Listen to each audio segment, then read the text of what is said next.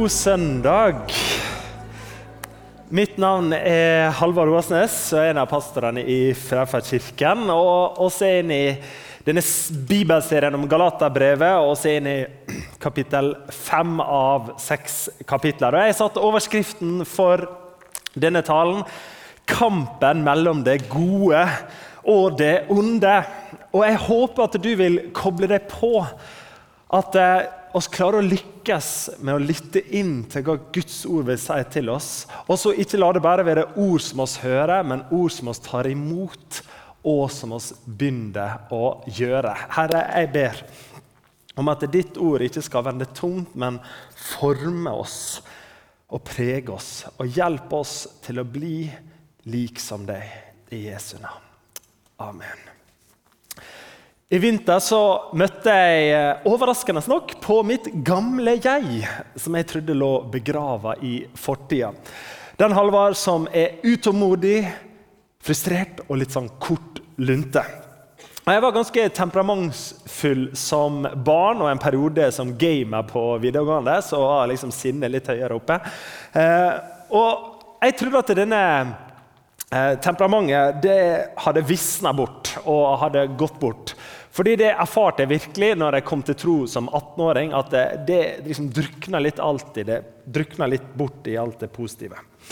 Men i vinter så var vi gjennom en intens fase med stadig nye sykdomsutbrudd, lite søvn og en treåring som var på høyden av trassalderen, eller som det er mer korrekt å kalle det nå, selvstendighetsalderen. Og jeg har jo et oppriktig ønske om å være en sånn pappa som er full av overskudd og er raus og tålmodig. Men i disse vanskelige episodene så bare kjente jeg at mine instinktive reaksjoner kom fram. Frustrasjon og bli litt for streng. Man kan kanskje si at det temperamentet det steg i takt med termometeret. Dess lenger oss hadde vært syke, dess vanskeligere var det å være den beste versjonen av det sjøl, som eh, nei, eh, Lauritsen, Lauritzen har sagt i det siste. Og Jeg husker at jeg sa til meg sjøl at nå skal jeg bare ta meg sammen. Og uansett hvor masse Amanda kødder nå, så skal jeg være berska. Jeg skal ha freden i hjertet. Og Så gikk det en stund, men til slutt så tok bare frustrasjonen overhånd, og jeg måtte si unnskyld og prøve på nytt neste gang. Jeg opplevde altså at det som lå begrava, disse sidene i meg, de fikk jeg møte på ny, og det ble en ny kamp mellom de positive og de negative sidene i meg. Kunne jeg spurt om å få litt vann? det var litt ironisk at mens jeg forberedte denne talen, her, så ble jeg syk igjen i helga. faktisk. Eh, så jeg har hatt feber og forkjøla og tørrhoste og alt som er. Og jeg har igjen fått en ny prøvelse på å være positiv eh, midt i livet. Men å stå da i disse hverdagskampene mellom de gode og de dårlige sidene i våre liv og Hva slags versjon av deg sjøl ønsker du å være når du står opp i morgen? Hva slags menneske ønsker du å være i den situasjonen du skal møte? Hva slags valg skal du ta i en sak? Hvordan skal du takle de følelsene og fristelsene du vil møte på? Paulus beskriver det kristne livet slik oss leser fra vers 16. Lev et liv i ånden. Da følger dere ikke begjæret i menneskets kjøtt og blod. For kjøttets begjær står imot ånden, og åndens begjær står imot kjøttet. Disse ligger i strid med hverandre. Her er altså denne kampen. Så dere ikke kan gjøre det dere vil. Men blir dere drevet av ånden, er dere ikke under loven. Det er, klart, det er klart hva slags gjerninger som kommer fra kjøttet. Hor, umoral, utskeielser, avgudsdyrkelse, trolldom, fiendskap, strid, sjalusi, sinne, selvhevdelse, stridigheter, splittelse, misunnelse, fyll, festing og mer av samme slag. Jeg har sagt det før, og jeg sier det igjen. Den som driver med slikt, skal ikke arve Guds rike. Men åndens frukt er kjærlighet, glede, fred, overbærenhet, vennlighet, godhet, trofasthet, ydmykhet og selvbeherskelse. Slike ting rammes ikke av loven. De gode sidene i mennesket som kommer fra Gud, de ligger i kamp med de negative kreftene i livet vårt. Og Disse to kreftene de river i oss mennesker og kjemper om å få gjennomslag i våre liv. Og hvem er det som vinner av disse to? Jo, den sterkeste av de to. Dersom vår fred er sterkere enn vårt sinne, så vil freden vinne. Det betyr ikke at det ikke vil være kamp, men til slutt så vinner det som er størst i oss. Så spørsmålet er ikke hvordan oss kan bli kvitt frykt, misunnelse, selvhevdelse og strid.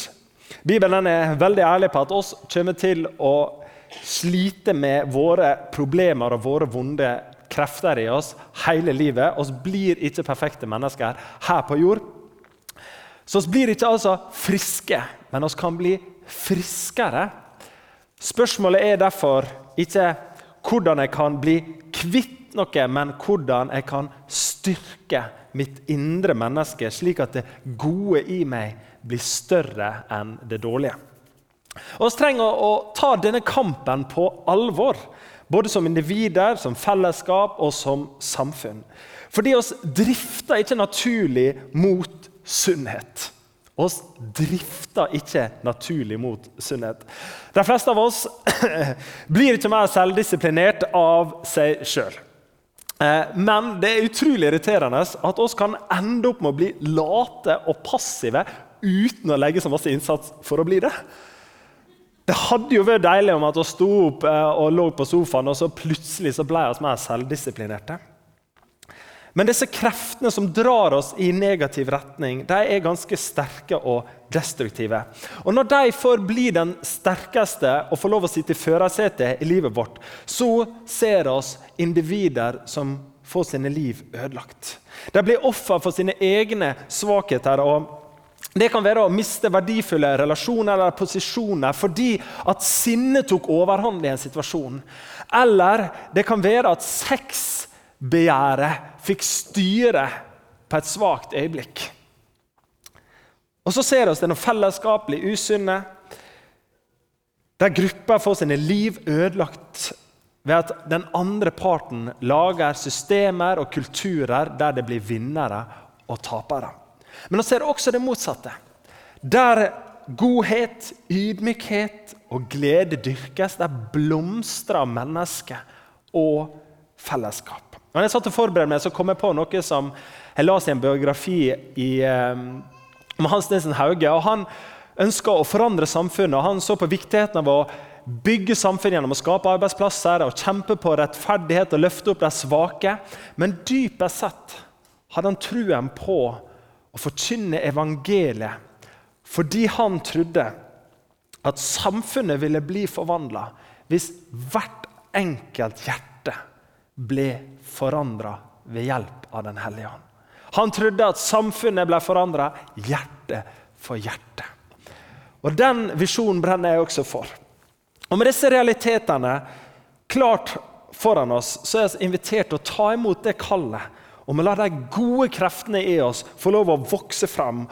Og dette er noe vi kan vokse og øve oss i. Paulus bruker flere steder trenings- og idrettsmetaforer når han skal formane sine lesere om å la seg forme. Han oppfordrer f.eks. sin lærling til å øve seg i Guds frykt. Og Bibelen minner oss om at eh, det å praktisere ofte det blir til vaner som til slutt blir den oss er. Og Synaptisk plastitet er et av hjerneforskernes begrep for at øvelse gjør mester. Hjernevevet i hjernen det sammenlignes gjerne med veier og stier som brukes til signaltransport. Og Første gang du gjorde noe nytt, så må du nærmest hogge deg vei med mansjete i hjernejungelen. Den skriver psykiater Kurt Thompson i 'Anatomien av sjelen'. Alt føles så uvant og feil, og oppgaven den virka vanskelig. Men så gjorde du det samme flere ganger. Og gradvis så ble det rydda en sti i skogen oppi hjernen din. Og Gjør du det ofte nok, så dannes det til slutt asfalterte veier du kan bevege deg svært kostnadsfritt på, forklarer denne psykiateren. Dette gjelder kognitive ferdigheter som matematikk og språk, og det gjelder mer motoriske ferdigheter som gitarspilling eller idrett. Og Dette er jo innlysende for oss, men det gjelder også mer religiøse og moralske ferdigheter. Om du ønsker å bli bedre på å lytte, tilgi, dele med andre, være vennlig, så må du faktisk øve deg i det. Så du må bestemme deg for her vil jeg vokse, og jeg må begynne å øve på dette. Og Det bringer meg til neste punkt. Hvordan vokser da åndens frukt i oss? Men før vi skal stanse der, så har jeg lyst til å stanse i en annen viktig tanke hos Paulus i dette kapitlet, nemlig regler er ikke løsningen. Bakgrunnen for veiledningen i kapittel 5 er at de nyomvendte i Galatia var usikre på hva som var beste moralske guiden for å hjelpe dem til å overvinne de negative sidene i seg sjøl. En gruppe jødekristne fra Jerusalem hadde kommet og forvirra dem og sagt at du trenger å følge loven. Det er den beste moralske guiden og helt nødvendig for at du skal vinne over det onde i deg. Men Paulus derimot, han var krystallklar på at ånden hadde tatt lovens plass for de som ønsker å følge Jesus. Ånden den var gitt som en erstatning av Moseloven for vår moralske veiledning.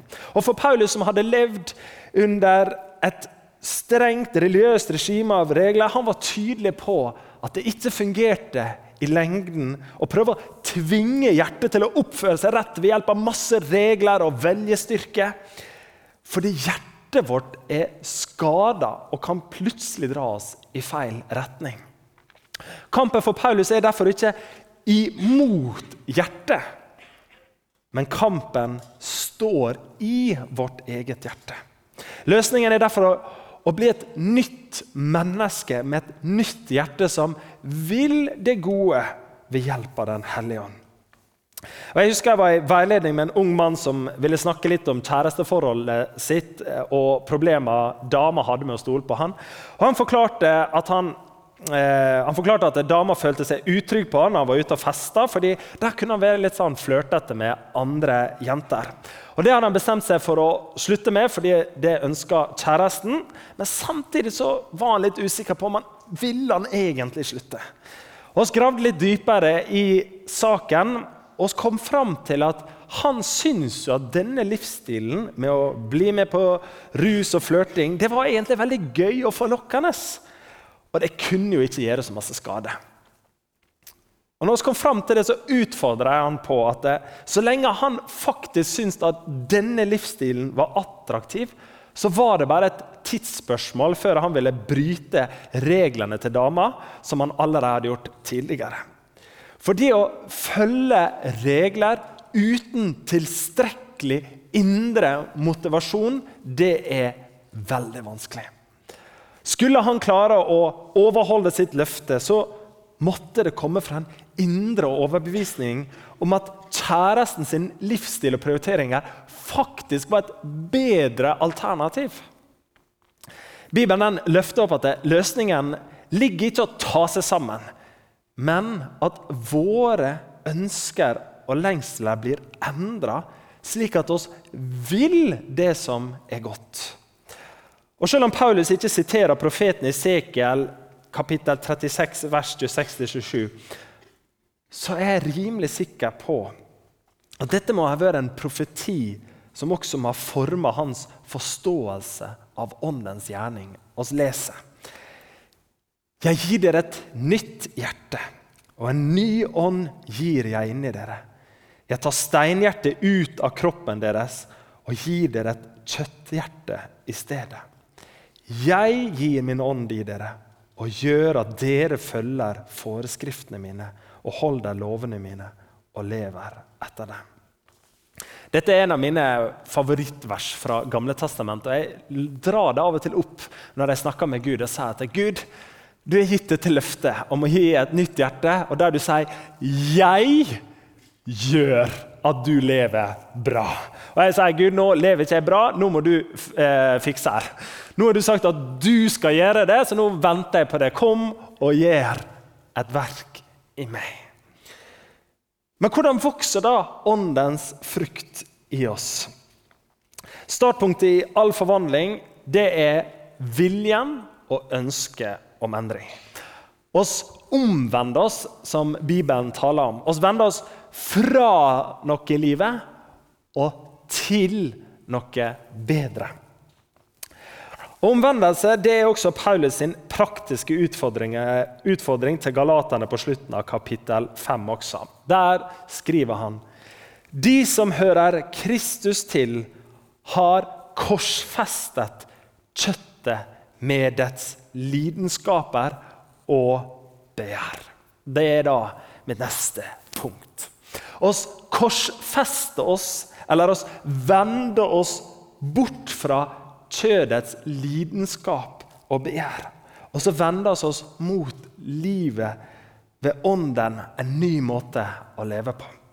Og Kjernen i en omvendelse det er å ta en bestemmelse, et valg om å få leve annerledes. Og Filosof og professor Palotto Brunstad, som jeg fikk gleden av å jobbe bitte litt med som presteassistent i Forsvaret, han har fundert en del på dette engelske ordet 'decide' å bestemme seg.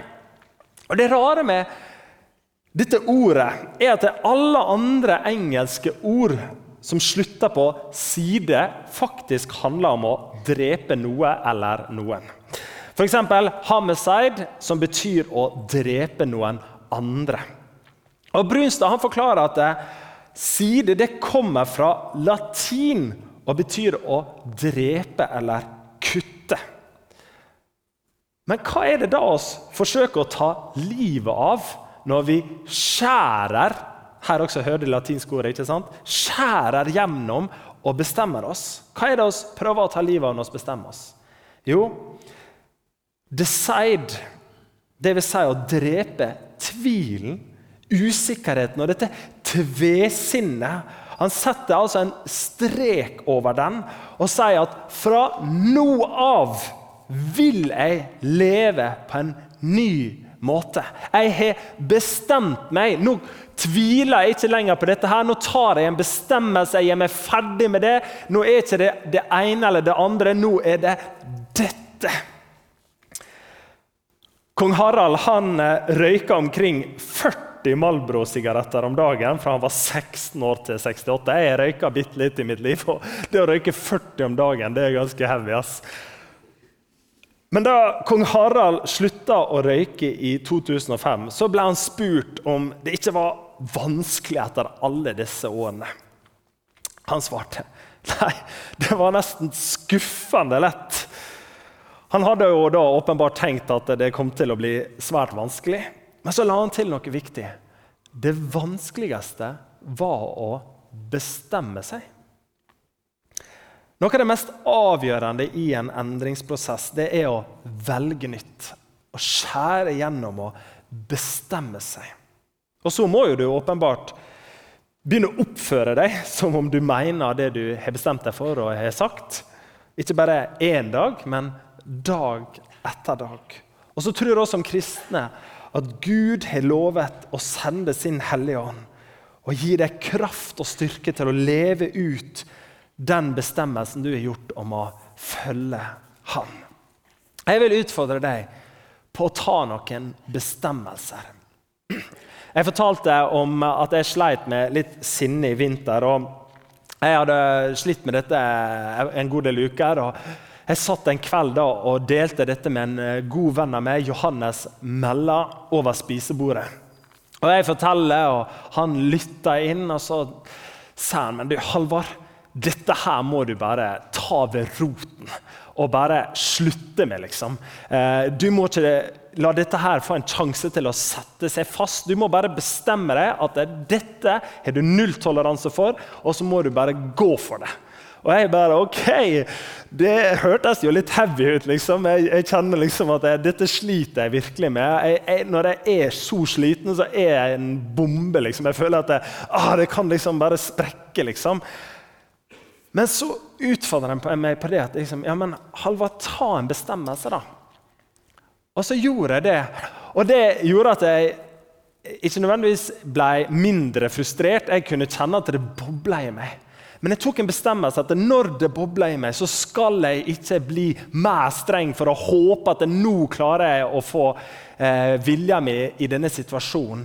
Men i stedet for så måtte jeg da gå vekk fra situasjonen. Kanskje jeg måtte si nå må du ta over.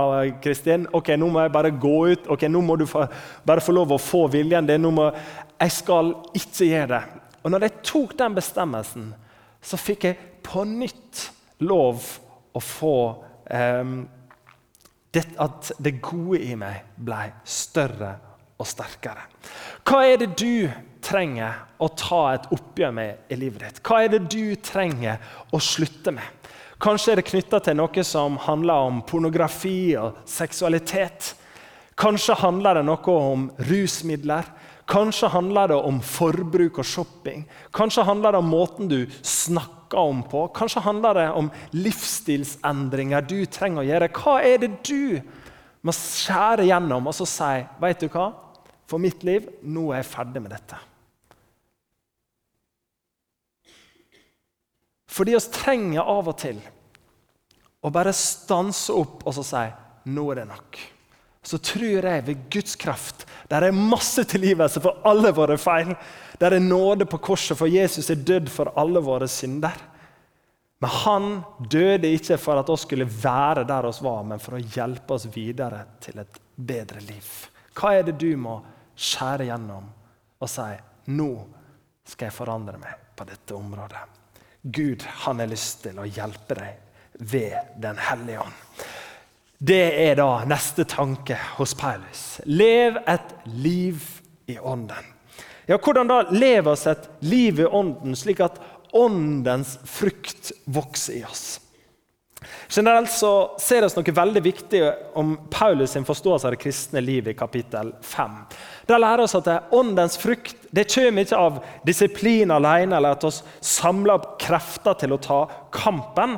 Løsningen er altså ikke å ta seg sammen om morgenen for å kjempe kampen med sterk selvdisiplin. Men i stedet så er den kristne kampen å daglig overgi sitt liv til Den hellige ånd. Et liv i ånden. Og Guds kjærlighet for oss i Kristus gjør det mulig for oss å bli fylt av Den hellige ånd, som igjen skaper kjærlighetens frukt i oss. Og Det skjer ved at vi tar imot Den hellige ånd gjennom at vi tar imot Jesu død og tilgivelse for oss på korset, slik at vi kan ta imot Guds tilgivelse og ta imot Den hellige ånd i oss.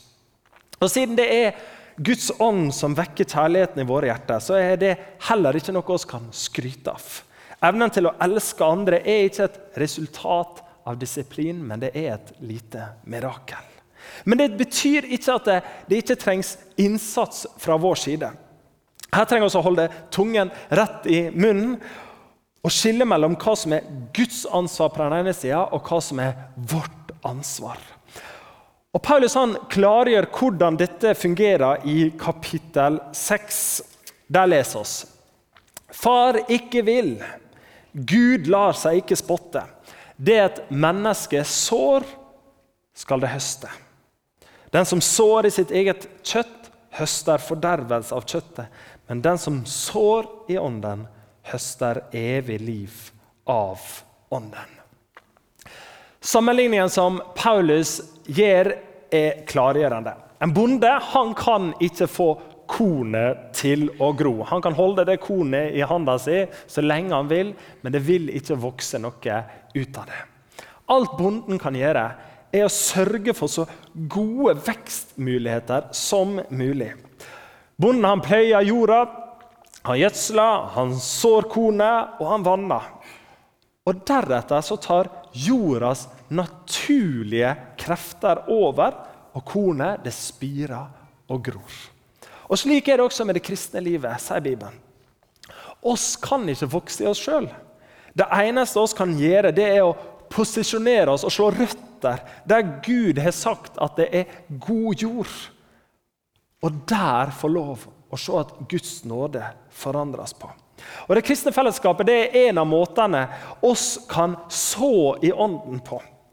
Gudstjenesten i likhet med bønn og andre åndelige disipliner det er Guds metode for å få oss ned i jorda. Det plasserer oss på et sted der Gud kan arbeide med oss og forvandle oss innenifra. Og I seg sjøl kan ikke gudstjenesten endre oss. Men når vi kommer til gudstjeneste, så bringer vi oss sjøl til et sted der Gud kan få lov å jobbe med oss. Der han kan møte oss, fylle oss og velsigne oss. Og Det er akkurat det Jesus selv sier i Johannes kapittel 15. Der står det, vers 4-5.: Slik som greinen ikke kan bære frukt av seg selv, men bare hvis den blir på vintreet, slik kan heller ikke dere bære frukt hvis dere ikke blir i meg. Jeg er vintreet, dere er greinene. Den som blir i meg og jeg i ham, bærer mye frykt.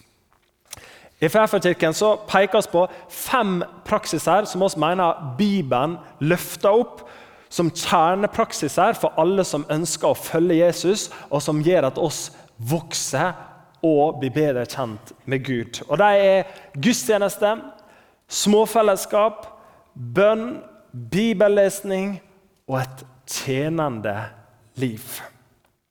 Og Målet med disse praksisene er jo ikke å sjekke av en religiøs to do-list, men å ha en relasjon til Jesus. Dypest sett så handler kristen livsforvandling om å bli prega av Jesus sjøl. Vi kan forstå den kristne endringsprosessen på ulike måter, men i sentrum så handler det om at det er selve relasjonen til Gud som forvandler et menneske.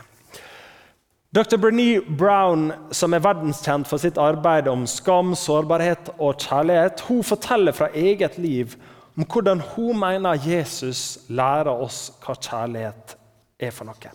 Jeg ville dele noen av hennes tanker og erfaringer med dere, fordi hun peker på nettopp dette her, at det er relasjonen til Jesus som lærer og oppdrar oss til å elske. Og Brené Brown hun forteller at eh, hun i løpet av studieperioden tok avstand fra kirke. Og Hun forklarer det bl.a. med at eh, kirken i USA ble så utrolig politikkorientert. Men etter hvert så ble hun mer nysgjerrig på troen igjen og ble leitende etter et fellesskap der det var plass til alle rundt bordet. For hun var opptatt av connection og fellesskap. Og Hun kom fram til at kirken er nettopp et slikt fellesskap. Hun forteller videre at eh, for hun så ble Jesus fornuftig for henne fordi hun tror at Gud er kjærlighet, og at Gud ble et menneske for å vise oss mennesker hva kjærlighet er. Hun mener altså at Grunnen til at Jesus gir mening for henne, er at eh, hun tenker som forsker at dersom Gud kun skulle bare fortalt at han var kjærlighet, og at oss burde elske hverandre, så ville oss automatisk tolke det til å handle om gode følelser og det som er hyggelig og fint og enkelt, fordi oss ikke er så komfortable med det som er vanskelig og tøft. Og Derfor mener hun at Gud hadde nødt til å sende noen for å vise oss hvordan kjærlighet faktisk ser ut. Eller så ville oss romantisert kjærligheten og pekt på det som bare føles godt. sier hun. Derfor kommer Jesus og sier, 'Jeg er kjærlighet'. Og slik ser det ut å elske mennesker. Jeg prater med mennesker som det ikke er greit og godkjent å snakke med. Jeg tar vanskelige valg fordi det er det rette. Jeg elsker mennesker selv om de ikke er særlig elskverdige. Jeg tar hånd om mennesker som sliter. Og Hun konkluderer med at flesteparten av oss ville ikke forstå hva kjærlighet er, uten oss hadde kunnet sett hvordan kjærlighet ser ut i praksis. Og Derfor gir det fullstendig mening for henne at Gud, som er kjærlighet, ble et menneske i Jesus Kristus for å vise oss mennesker hva kjærlighet er for noe. Kristen livsforvandling kan derfor formuleres slik. Vi blir kjærlighetsfulle ved å være sammen med Han som er kjærlighet. Det siste jeg vil rette oppmerksomheten mot på dette kapitlet, er at metaforen åndens frukt er botanisk. Og frukt det er lik gradvis og langsomt. Hvis du slår opp i Bibelen, så vil du fort finne ut at den kristne læren den er rik på botaniske metaforer. Det kristne livet det sammenlignes ofte med trær, røtter, planter, frø, frukt osv. En viktig faktor å merke seg ved botaniske vekster er nettopp det at de vokser veldig sakte. Som kristen så kan du kanskje sitte og føle at ah, Skjer det etter? Altså liksom, funker dette? Blir jeg forvandla av å komme på gudstjeneste, delta i de kristne praksisene? Stagnerer jeg? Hva skjer i livet mitt? Blir jeg bedre? Blir jeg sterkere? Forandrer jeg meg? Da vil jeg gi deg et viktig stikkord. Gradvis. Har du noen gang sett trær eller planter å vokse? Tenk deg litt om. Har du sett voksende planter? Nei, oss kan faktisk ikke med vårt blotte øye observere veksten som skjer i en plante. Hvorfor? Jo, fordi bevegelsene går altfor sakte. Men oss kan observere at forandringen har skjedd. Du kan riktignok eh, se det gjennom en timelapse-video som går over flere dager. Eh, og Det kan være virkelig fascinerende å se den forandringen oss ellers ikke kan studere med våre egne øyne. Og Botanisk vekst det går altså da veldig sakte, som er poenget mitt. Og sakte det passer veldig dårlig for oss mennesker. Fordi oss er utålmodige, og oss lever i et samfunn der alt skal skje raskt. Men det er slik med mange ting i livet at ting det skjer gradvis. Du ser ikke planter vokse, og du ser heller ikke mennesker vokse.